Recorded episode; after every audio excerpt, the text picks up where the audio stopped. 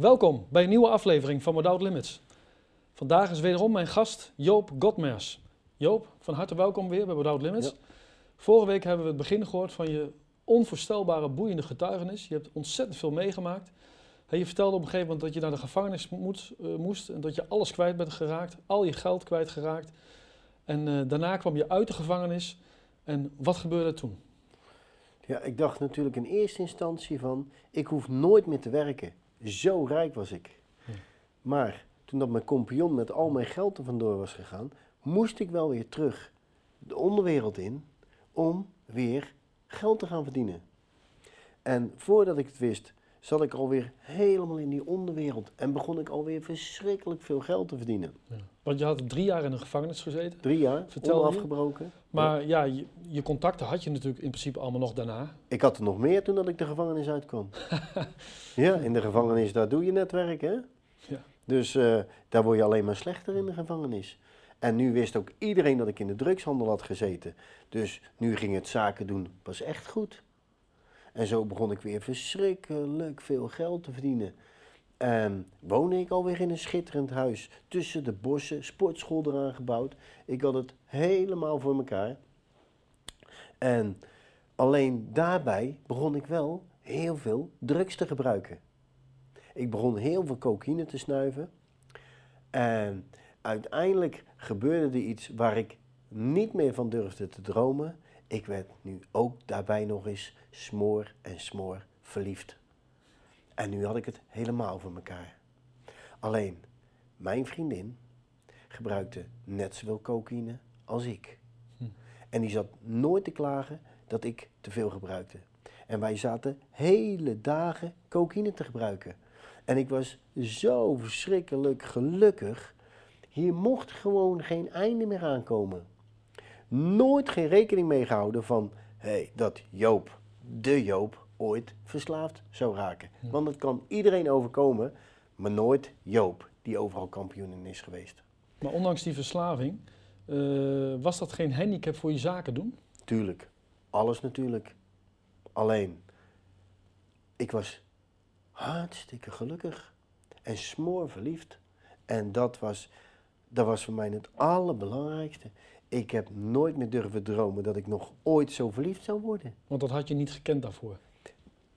Mijn, doordat mijn compagnon mij zo belazerd had, dacht ik dat mij dit nooit meer zou kunnen overkomen. Omdat ik nooit meer iemand durfde te vertrouwen. Hmm. En nu overkomt mij dat ineens.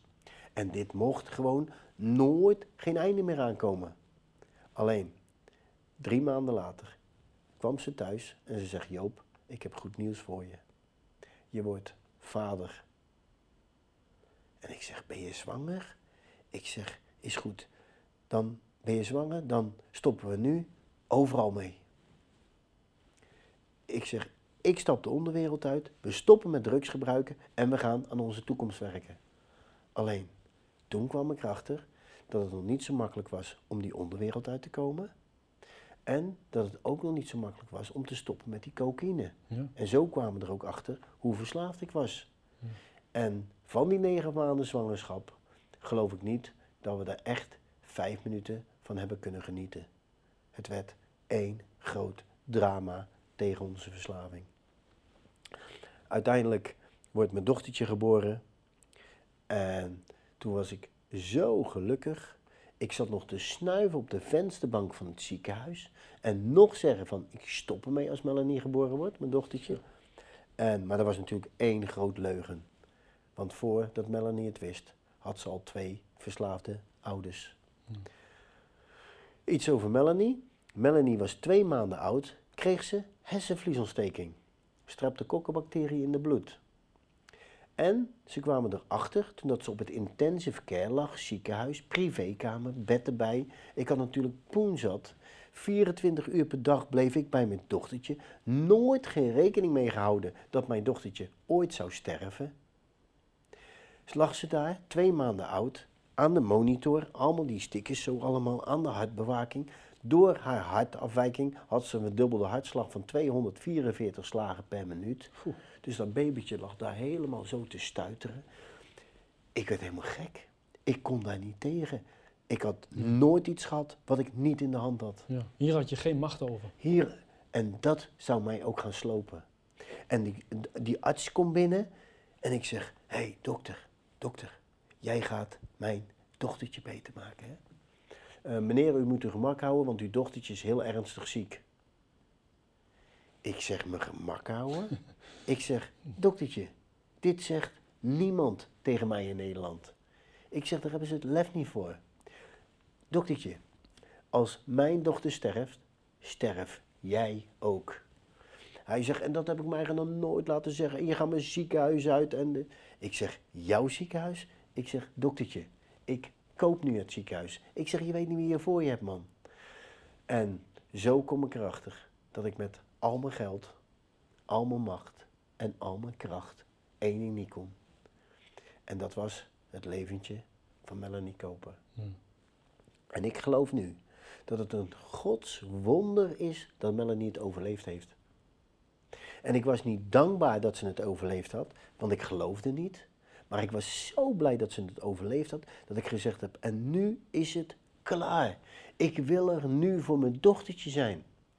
En ik wil die onderwereld uitstappen. En hebben ze me nog één keer hebben ze me proberen te vermoorden. Ik, heb ze nog, ik hoor ze nog net roepen van hij is dood, hij is dood, laat hem maar liggen. En, dus ze hebben je voor dood laten liggen? Ja. Dan heb ik de nauwe nood heb ik dat overleefd. Ik kom het ziekenhuis uit. Ik wist precies wie het gedaan hadden. Ik bel ze op. Ik zeg, oké, de eerste ronde hebben jullie gewonnen. Nu ben ik aan de beurt. Hm. Toen kwamen ze nog een keer terug. Kom mijn vriendin aanlopen met de kinderwagen. Kom een auto aanrijden met vier criminelen erin. Die springen eruit, trekken Melanie uit de kinderwagen, zetten een pistool op dat hoofdje en zeiden: Je moet tegen Joop zeggen dat hij zijn gemak moet houden, anders schieten we zijn jong dood. En zo wordt Melanie terug de kinderwagen ingegooid. Verschrikkelijk. Mijn vriendin komt thuis en ik zeg: Wat hebben ze gedaan? Wat? Ik zeg: Oké, dan is het nu oorlog. En iedereen die aan mijn kind heeft gezeten, zal sterven. En zo ben ik nog maar met één ding bezig. Iedereen die aan mijn dochtertje had gezeten, moest geliquideerd worden. Alleen daarbij begon ik verschrikkelijk veel drugs te gebruiken. Uiteindelijk begon ik mezelf te spuiten en had ik geen bloedvat meer over waar ik nog normaal in kon spuiten. Ik had een eigen kickboxschool en ik kon nog niet meer met korte mouwtjes kickboksen, want heel zagen ze dat? Ja, heel mijn armen waren kapot gespoten. En ik raak mijn vriendin kwijt, ik raak mijn dochtertje kwijt. Ik blijf helemaal achter met mijn bolwerk van woede om iedereen te laten liquideren. En ehm, ik blijf uiteindelijk helemaal alleen, hartstikke verslaafd, achter met mijn woede. En mijn verjaardag komt eraan. En ik moest om half elf nog kickboxles geven op mijn verjaardag. En ik dacht van, moet ik nog kickboxles gaan geven ook op mijn verjaardag? Ik denk, ik heb niks meer om mijn verjaardag nog mee te vieren. Moet ik nog gaan werken ook? Ik zeg, weet je wat, daar heb ik helemaal geen zin meer in. En zo beslis ik om negen uur s morgens om een einde aan mijn leven te maken. Door middel van met een pistool mezelf door mijn hoofd heen te schieten. Mijn verjaardag komt eraan. Het is negen uur. Ik pak mijn pistool. Ik haal mijn pistool over. Ik leg hem op de bank. Ik pak mijn cocaïne. Ik rook mijn cocaïne op. Ik pak weer terug mijn pistool. En ik kijk zo naar de klok. En het is bijna negen uur. En ik zeg zo hardop van drugs gefeliciteerd. Jij hebt van mij gewonnen. En zo zet ik een pistool op mijn hoofd. En ik heb het pistool bijna op mijn hoofd, ging de deurbel. En ik schrik en ik doe mijn pistool weg en ik doe mijn cocaïne weg. En ik loop naar beneden. Ik woon al op een bovenverdieping, want dan konden ze niet zo rechtstreeks naar binnen schieten. Zo'n lekker leven had ik. Ik loop naar beneden, ik doe mijn deur open en wat denk je? Stonden al mijn leerlingen voor de deur die om half elf kickboxles van mij zouden krijgen. Die kwamen mij verrassen voor mijn verjaardag. Door God gestuurd. Door, 100% door God gestuurd. Die dacht om negen uur ligt hij nog te slapen en dan gaan we hem wakker bellen en dan gaan we voor hem zingen. Ja. En ik doe die deur open en ik zie ineens al mijn leerlingen staan en die begonnen te zingen. Er is er geen jaren, ik denk, dit kan niet joh. Hadden ze gezamenlijk een cadeau gekocht, ik heb dat cadeau uitgepakt. Daarna hun wat te drinken gegeven. En om half elf moest ik natuurlijk kickboxles geven. Oké, ik hun kickboxles gegeven. Toen was het inmiddels half één geworden. Leefde ik nog steeds. Dat is ook vervelend als je niet meer wil leven, toch? En eh, toen dacht ik van, oké, leef ik nog steeds? Is goed. Dan wil ik nog voor één iemand leven. En dat is voor Melanie. Ik kleed me eigenlijk netjes aan, pistool mee, ik op oorlogspad. En moest en zou mijn dochtertje zien. Ja, want je had geen contact meer, hè? Je Nee. mocht haar niet meer zien. Nee, nee, nee, het was gewoon te gevaarlijk. Ik was te veel bezig om oorlog te voeren, om iedereen te laten liquideren. Ja. En ehm, ik op oorlogspad, stap in mijn auto, om half drie 's middags had ik al overal met een pistool lopen zwaaien en zat het halve Nederlandse politiekorps al achter me aan. En om drie uur 's middags zat ik ondergedoken op een zolderkamertje in Rotterdam. En ik ben bijna zeven weken voor het vluchten geweest. Maar in Voor de politie. voor de politie. Voordat ik mezelf ben aangegeven. En, maar in die zeven weken ben ik een man tegengekomen. Ik loop een winkel binnen. En ik was natuurlijk voor het vluchten, dus ik was, zat rond me heen te kijken. En eh, die man die zegt tegen mij van, eh, rust heb je niet hè? Ik zeg, nee, rust heb ik niet, nee nou. Hij zegt, eh, weet je hoe dat komt? Ik zeg, ja, dat weet ik wel, ja. Hij zegt, nee hoor. Ik zeg, ja hoor. Ik zeg, het halve Nederlandse politiekorps zit achter me aan. Hij zegt, nee joh, daar komt het niet door. Hij zegt, weet je waarvoor jij geen rust hebt? Hij zegt, dat komt omdat je God niet kent. Prachtig. Ik zeg, jij spoor niet hoor. Hij zegt, jij bent toch die Joop? Jij bent toch die crimineel? Hij kende je. Ja, hij wist precies wie ik, eh, wie ik was. Ik zeg, meneer, ik zeg, dit wil u niet hoor. Hij zegt, ja hoor. Weet je dat Jezus Christus voor jou aan het kruis is gestorven? Ik zeg, jij spoor niet man. Ik zeg, weet je wat? Einde verhaal. En ik loop die zaak uit, roept hij van, hé, hey, weet je wat jij eens mocht gaan doen? Je moet eens in de Bijbel gelezen, dat is goed voor je. Nou, toen kwam ik helemaal niet meer bij van het lachen. Ik rijd naar mijn onderduikadres toe. Ik zeg tegen die man, wat denk je? Kom ik een winkel binnenlopen? Ik ben nog niet binnen. Begint hij over God te kletsen. Hé, hey, als je met mij ergens niet over moet beginnen, is het over God. Ik ben getraind, geprogrammeerd om in mezelf te geloven. En eh, zo, een aantal dagen later doe ik weer een zelfmoordpoging. En nu door middel van een overdosis. Ik neem een overdosis drugs in.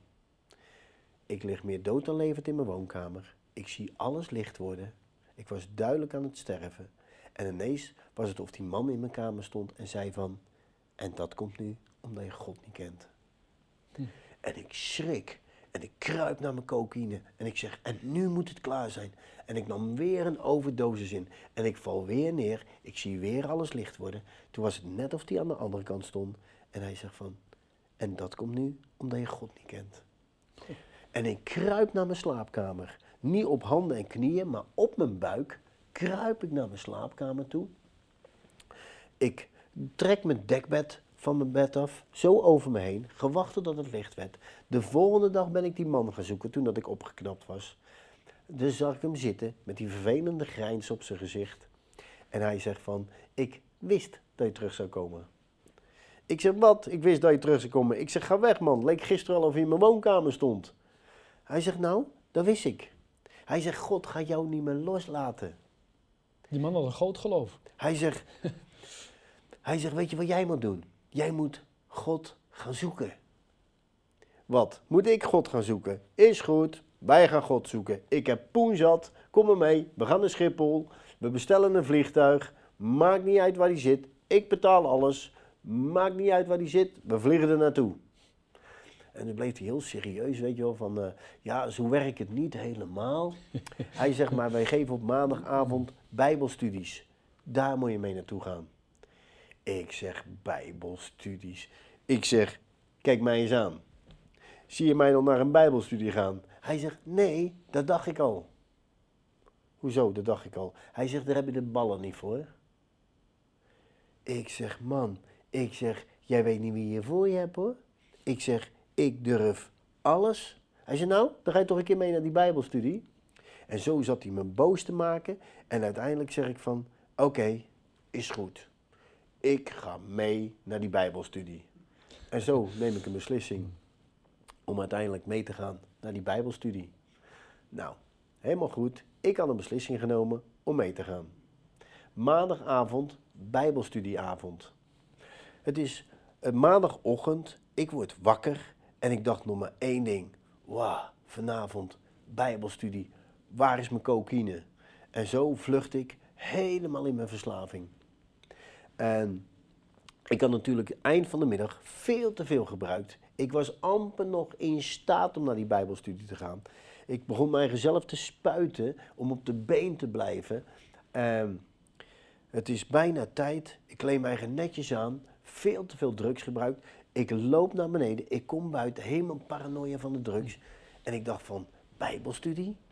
Moet ik een kogelvrij vest aan? Ik zeg, kogelvrij vest aan. Ik heb terug naar boven mij weer uitgekleed. Kogelvrij vest aan. Ik weer naar beneden. Ik kom weer buiten. En ik dacht van, moet ik nou een pistool meenemen? Ik dacht, bijbelstudie. Ja, pistool mee. Ik er weer terug naar boven. Mijn eigen weer uitgekleed, holster aan, pistool mee. Joop naar de bijbelstudie. Ik zag er altijd super netjes uit. Zwart pak, zwarte Hugo Boss jas tot bijna op de grond. Stropdas, gouden kettingen erover, iedere vinger, een gouden ring, een gouden klok. Ik leek wel zo'n kerstboom, zonnebril op. Je zag van mijlen af aan dat ik crimineel was. En zo rijk in een rode sportwagen naar de bijbelstudie. Ik was natuurlijk veel te laat en ik sta er voor die deur en ik zeg zo van 1, 2, 3. En ik doe die deur open en ik stap naar binnen. Die mensen kijken om en die doen dit zo. En ik zie al die mensen naar me kijken en ik doe mijn jas open en ik pak mijn pistool en ik gooi zo mijn jas erover. En zo stond ik met mijn hand op mijn pistool, stond ik naar die bijbelstudie te luisteren. En dat zagen ze, dat, dat je dat de Nee. pistool... eh, Niemand. Hij wist wel dat ik een pistool bij had. Die eh, man van die winkel. Maar niemand, niemand zag dat. En eh, ik stond daar eh, naar die bijbelstudie te luisteren. Die bijbelstudie is afgelopen. Die man komt naar me toe. Hij zegt, en, wat vond je ervan? Ik zeg, ik geloof hier helemaal niets van. Maar, ik zeg, ik heb alles al een reële kans gegeven in mijn leven.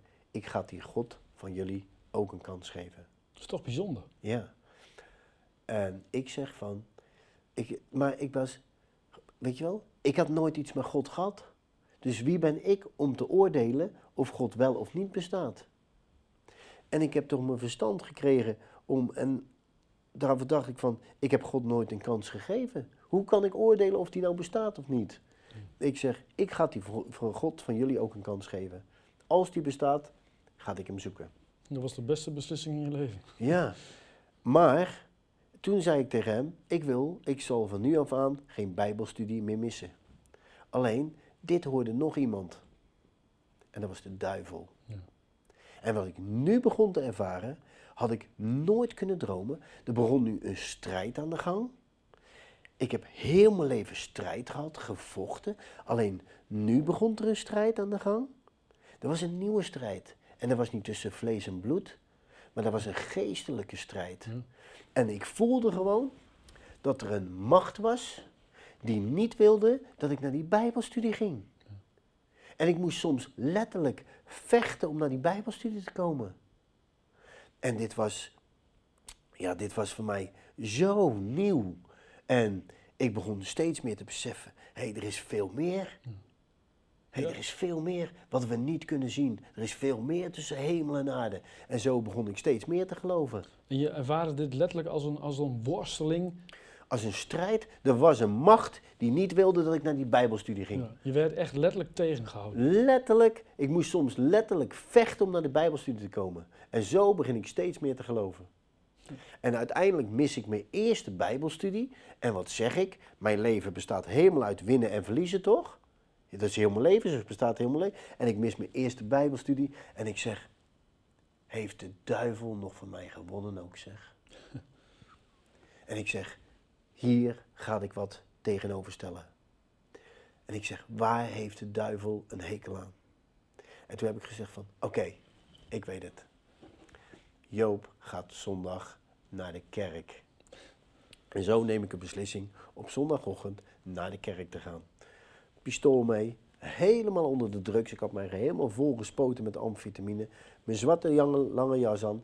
Ik in mijn rode sportwagen op zoek naar een kerk. Ik, loop, ik rij een parkeerterrein op. Er was nog één parkeerplaats over. Dat was voor die grote deur. Er stond NP niet parkeren. Dat was mijn parkeerplaats natuurlijk. Dus ik zet zo mijn rode sportwagen pal voor die deur. Ik pak mijn sigaretten. Ik steek mijn sigaret op. Ik neem een paar halen van mijn sigaret. En zo loop ik rokend, helemaal onder de drugs, gewapend met een pistool, loop ik die kerk binnen. Ze probeerden zo goed als kwaad probeerden ze door te gaan. En er kwam een vrouw naar me toe en die zei van, meneer, meneer, u mag hier niet roken. Hé, hey, Joop mag overal roken. Nou, toen kwam de koster een asbak brengen en zo stond ik rokend met een asbak in mijn hand, uh, stond ik naar die kerkdienst te luisteren. Waar was dat? In Tolen, in, op het eiland Tolen. En er staat geschreven, je mag komen zoals je bent. bent. En ik kwam zoals ik was. En ik weet zeker dat God ook je hart aanziet.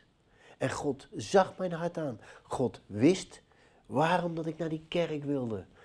En alleen God houdt te veel van je om je te laten zoals je nu bent. En niet verlaten werd ik gearresteerd en kwam ik weer in de gevangenis terecht. En kreeg ik bijna 12 jaar gevangenisstraf. En ik vroeg wat te lezen en hij gooit zo, gooit hij de Bijbel op mijn cel. En ik zie die Bijbel en ik begon te huilen, te huilen. En zo begon ik hele dagen in die Bijbel te lezen. Je dacht, dat is precies wat ik nodig heb. Dat God sprak tegen mij. Ja. Dat was God. God zei, hier Joop, en nu lezen. En zo begon ik steeds meer te lezen, te lezen, te lezen. Ehm, en zo begon ik steeds meer te merken dat God met mij bezig was. Het was geen gevangenisstraf meer. Het was een proeftijd van de Heer Jezus. De eerste keer dat ik bad voor mijn eten in de gevangenis, nam ik een hap van mijn eten en kreeg ik de vork niet naar mijn mond toe. En zo begon ik steeds meer te zien van, hé, hey, God is met me bezig. Toen werd ik overgeplaatst naar een gevangenis. En toen uh, wilde ik nog maar één ding, naar de bibliotheek. Nog meer boeken over de Bijbel. Hmm. En zo was ik in mijn cel alleen nog maar aan het studeren, studeren. Ik wilde er alles vanaf weten. Ik wilde de Heer Jezus steeds beter leren kennen. Hmm. En ik word mijn cel uitgetrokken, zei die uh, man meekomen Joop. En ik moest meekomen en ineens zegt hij, Joop, je bent wel heel erg met dat geloof bezig. Ik zeg, ja, dat klopt. Hij zegt, wij denken dat het niet goed voor jou is. Ik zeg, hè? Hm. Hij zegt, het is niet verkeerd om in God te geloven, maar hoe jij ermee bezig bent is niet goed. Hij zegt, doe maar zo, doe maar 50% in God geloven en 50% in jezelf geloven. Want dadelijk gaat God jou teleurstellen, heb je helemaal niemand meer. Ik zeg, in mezelf geloven? Ik wil juist voor de volle 100% op God gaan vertrouwen. Hm. Ik ben getraind, geprogrammeerd om in mezelf te geloven. Dat had je lang genoeg gedaan. Hey, en weet je hoe dat eindigde? Op mijn verjaardag met een pistool op mijn hoofd. Ik wil nu alleen nog maar op God vertrouwen. Dus dat is eigenlijk de periode dat je God hebt leren kennen, in die gevangenis. Dit is, God was met mij bezig. Ja. En ik loop weg en hij zegt, dadelijk gaat God jou teleurstellen en heb je helemaal niemand meer. Ik zeg, God, ga mij niet teleurstellen. Amen. En een jaar later, nadat ik zelfmoord wilde plegen, zat ik in de gevangenis. En ik kreeg een brief van de moeder van Melanie. En ik kreeg te horen dat ik Melanie te zien kreeg voor mijn verjaardag. En daar heb ik God zo voor gedankt. Zo voor gedankt. Ik zeg, vorig jaar wilde ik nog zelfmoord plegen. En nu zit ik in de gevangenis en nu krijg ik, ben ik met God bezig en krijg ik Melanie wel te zien. En dat vond ik zo geweldig. En daar heb ik God zo voor gedankt. Ik vroeg aan die bewaarder, kan ik bezoek krijgen op mijn, op mijn verjaardag? En hij zegt, weet ik niet. En hij komt terug, hij zegt, ja Joop, je kunt bezoek krijgen. En daar vond ik, heb ik God zo voor gedankt. En ik sta daar helemaal netjes in pak, zat ik te wachten. Ik zou mijn dochtertje weer te zien krijgen op mijn verjaardag. En er komt een bewaarder aanlopen met een brief. Hij zegt, Joop, hier heb ik een brief voor je. En uh, ik maak die brief open en er stond in, Joop, Joop, Joop, je dacht toch niet echt dat ik op bezoek kwam. Hè? Zo. En je dacht toch niet echt dat, ik ooit, dat je ooit van je leven je dochtertje nog te zien kreeg. Hè? En je mag op geen ene enkele wijze meer contact met mij opnemen. Anders vergaat je het recht één keer in het half jaar te horen hoe het met je dochtertje is. Doei, prettige verjaardag. Verschrikkelijk. En ik zie die brief. En ik vond dit zo gemeen. Zo gemeen. Ik had hier God zo voor gedankt. Dus, en die bewaarder komt aanlopen. Hij zei, Joop, wat doe jij nou? Ik zeg, het gaat niet goed met mij. Hij zei, nee, dat zie ik. Hij zei, kan ik wat voor je doen? Ik zeg, ja, sluit me maar op. Hij zei, weet je het zeker? Ik zeg, sluit me op. En hij doet mijn cel open. En ik loop mijn cel in. Hij doet mijn cel dicht. Helemaal overstuur. Een sigaret in mijn mond. Helemaal de weg kwijt. Ik leg een sigaret in mijn asbak. Ik zie daar al die boeken liggen over de Bijbel. Waarin staat dat God liefde is. Ik zie die Bijbel liggen. En ik zeg van... En ik nog geloven dat God bestaat ook, zeg. Dit is zo gemeen. Dit is zo gemeen. Dit doe je je ergste vijand nog ineens aan. Ik zeg, alleen al om dit te bedenken, moet je al zo verschrikkelijk slecht zijn. Dit was echt een duivels plan. Hé, hey. en ik gaf God de schuld. Ik zeg, God, hé, hey, ik ben een kind van u. En u doet mij dit aan? Hé, hey, uw liefde? Ik geloof er geen bal meer van dat u bestaat. Ik vind dit zo gemeen. Zo gemeen. Dit doe je ergste vijand nog ineens aan. Maar ik kan nu niet meer verder. Als u bestaat, moet u het nu laten zien. Want ik kan nu niet meer verder. En er staat geschreven, je krijgt nooit meer dat je kunt dragen. En op dat moment word ik opgetild. Het was net of ik begon te zweven. En op dat moment nam God al mijn lasten af. En begon ik te stralen en te gloeien. Voelde je zo de temperatuur, 39 graden. Ik had een temperatuur van 39 graden. Ik voelde zo de warmte van mij afkomen. En ineens vult God mij met al zijn liefde. En zo word ik smoor en smoor verliefd. En dat was zo'n geweldig gevoel. Zo'n geweldig gevoel. En God had gewoon ingegrepen. En die bewaarder had me helemaal overstuur mijn cel ingegooid. En hij doet mijn celdeur open om te kijken hoe het met me ging. En hij zegt, wauw Joop, wat is er met jou gebeurd? Ik zeg, dit is geweldig. God heeft ingegrepen. Amen. Amen. En zo kom ik tot geloof. Nou Joop, wat een onvoorstelbaar geweldig mooi getuigenis. Heel hartelijk dank hè, dat je je tijd met ons wilde delen. En dat je dit, deze getuigenis met ons hebt willen delen. We, laten, we hebben werkelijk laten zien dat God een God is without limits. Ja. Dat alles mogelijk is. Dat zelfs Joop Godmer zich bekeert en tot geloof komt. En eh, dat had ook nog gevolgen. En daar gaan we het volgende week over hebben. Ja, nu begint het pas.